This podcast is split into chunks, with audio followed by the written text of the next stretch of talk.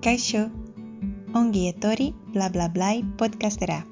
Ni ohnito hinko akademikoa naiz, eta gaur beste ikasbide batzuk dakartzat.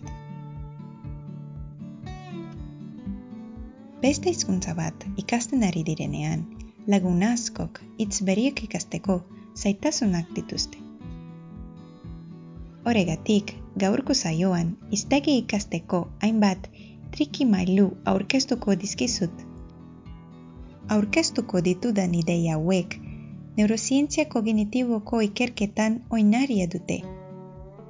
Ziur nago, aurkikuntz horiek ezagutuz gero, erazago ulertuko duzuela nola antolatuta dagoen oroimena eta zer egin ikasketetatik etekinik handiena ateratzeko.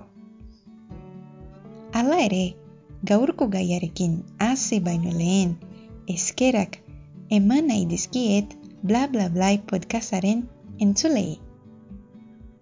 Mila esker zuen abegi onagatik eta zuen mezuagatik.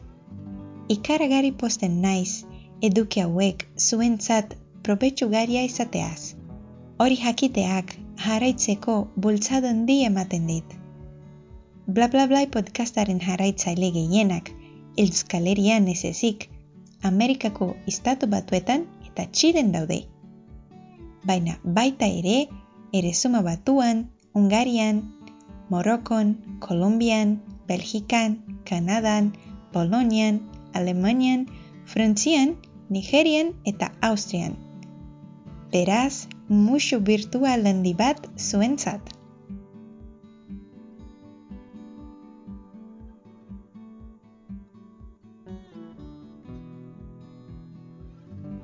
Lehenengoa, landu hitzaren testu ingurua. Oso ikoa da, ikasi ahala, hitz zerrendak egitea. Metodo hori lagungaria izan daiteke, baina askoz eraginkoragoa da hitzak esaldi eta testu inguru desberdinetan erabiltzea. Era berean, testu inguru desberdinetan zaudenean, adibidez, aeroportuan, bankuan ordainketa bat egiten, apaindegian zure txandaren zain, pentsatu, zein hitz eta esaldi beharko zenituzke egoero honetan komunikatu ahal izateko.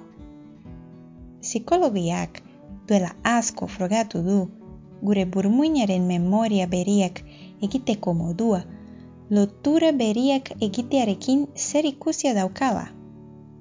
Oroimen beriek dagoeneko ikasita dauzkagun beste oroimenetan oinaria dute. Beraz, hitz beri bat testu inguru konkretu bati lotzen badiozu, niabardura gehiago emango dizkiozu hitz hori eta erazago gogoratuko duzu. Horaz gain, pentsatu adibidez, zein beste hitzek hitz beri horrekin atzizkiak edo erima partekatzen dituzten zein dira sinonimoak.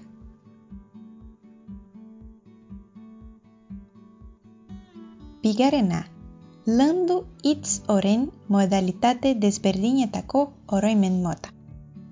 Zentzumenak dira, kanpoko informazioak jasotzeko bideak. Errealitatea urlertzeko, burbuinean zentzumenen informazioari beste informazio motarekin lotuta dago. Adibidez, limoi baten usaimena, sudurak harrapatu bezain laster, limoiaren kolorea, itxura eta abar bururatuko zaizu. Hau dena automatikoki gertatzen da, oroimena zari handi bat baita. Beraz, gauza beriek ikasteko modalitate bat baino gehiagotan erabiltzea komeni da. Zuzen, isilik irakurtzeaz gain, irakurri ozenki, itzberiek edo idatzi ditzazkezu. Horrela, ikusmenezko, entzumenezko eta motor oroimenak aktibatuko dituzu. Gainera, idazten dugunean, denbora pixka bat ematen diogun informazio hori aretaren fokuan egoteko. Informazio horren inguruko ideiak antolatzeko eta kudeatzeko. Eta horrek, burmuinari laguntzen dio informazioa garantzitsua dela gogorarasteko. Hirugarrena, ikasi dituzun hitzak gogora ekari behin baino beriro. Burmuinaren zat, ahaztea, gogoratzea bezain garantzitsua da. Azkin finean, ahaztea, burmuineko garbiketa prozesu bat da. Burmuinak automatikoki garantzitsuak deritzen informazioak sendoago gordetzen ditu, eta ezinbestekoak ez direnak ezabatzen ditu. Prozesu hori normala da. Emeretzigaren mendean, Ebbinghaus psikologoak ahanzturaren kurba deskribatu zuen.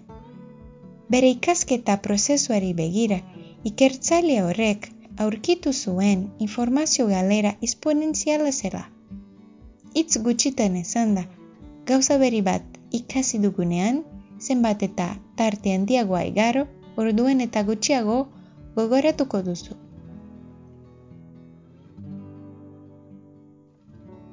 Ahansturaren kurba kontuan hartuta, ere pikapen tartekatua teknika sortu dute.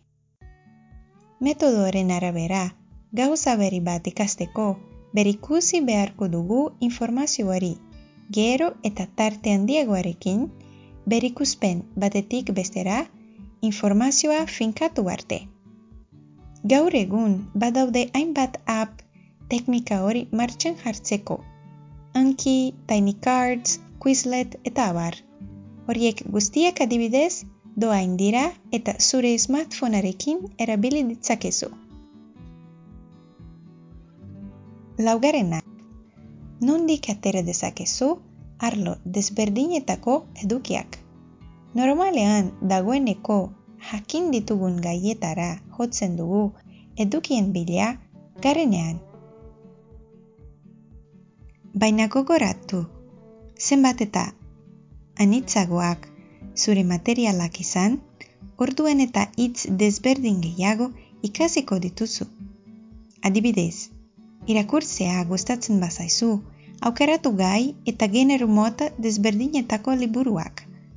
Eleberiak, biografiak, zaiakerak, ikasliburuak, manualak eta bar. Bakoitzak termino bereziak baititu. Bestalde, mok ikasaro bat egin dezakezu ikasi nahi duzun hizkuntzan. Gaur egun onlineko izkaintza oparoa da eta gai askotako ikastaroak aurki ditzakezu hizkuntza askotan. Batzuk esaterako Coursera, Khan Academy eta bar.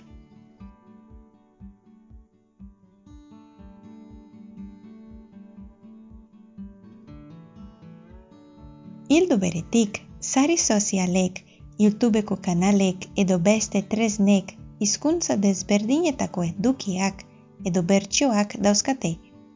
Adibidez, YouTube kanal askok erialde bakoitzarentzako bertsioak dauzkate. Era berean, bakarizketa komikoak gero eta ugariagoak dira edozein hizkuntzatan. Azkenik, euskara bada ikasten ari zaren hizkuntza, ez ahaztu bertso zaioak oso onak direla hitz bereziak ikasteko gai askorei buruz izateaz gain, paregariak edo unkigariak direnez, ikasten laguntzen dituzte emozioak erabiliz.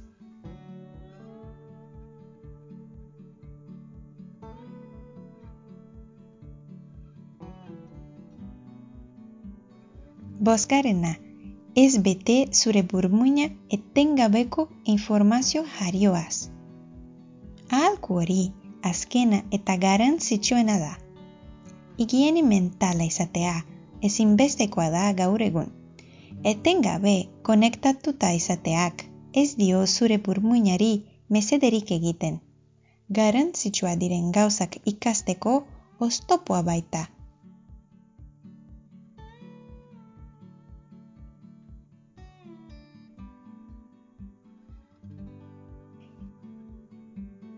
Labur bilduz.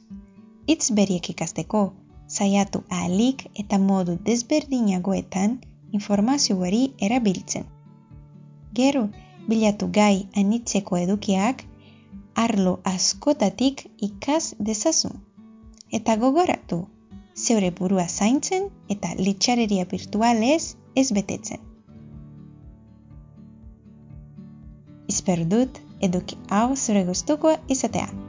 Eta mila esker bukaera raino entzuteagatik. Ondo ibili eta entzun arte!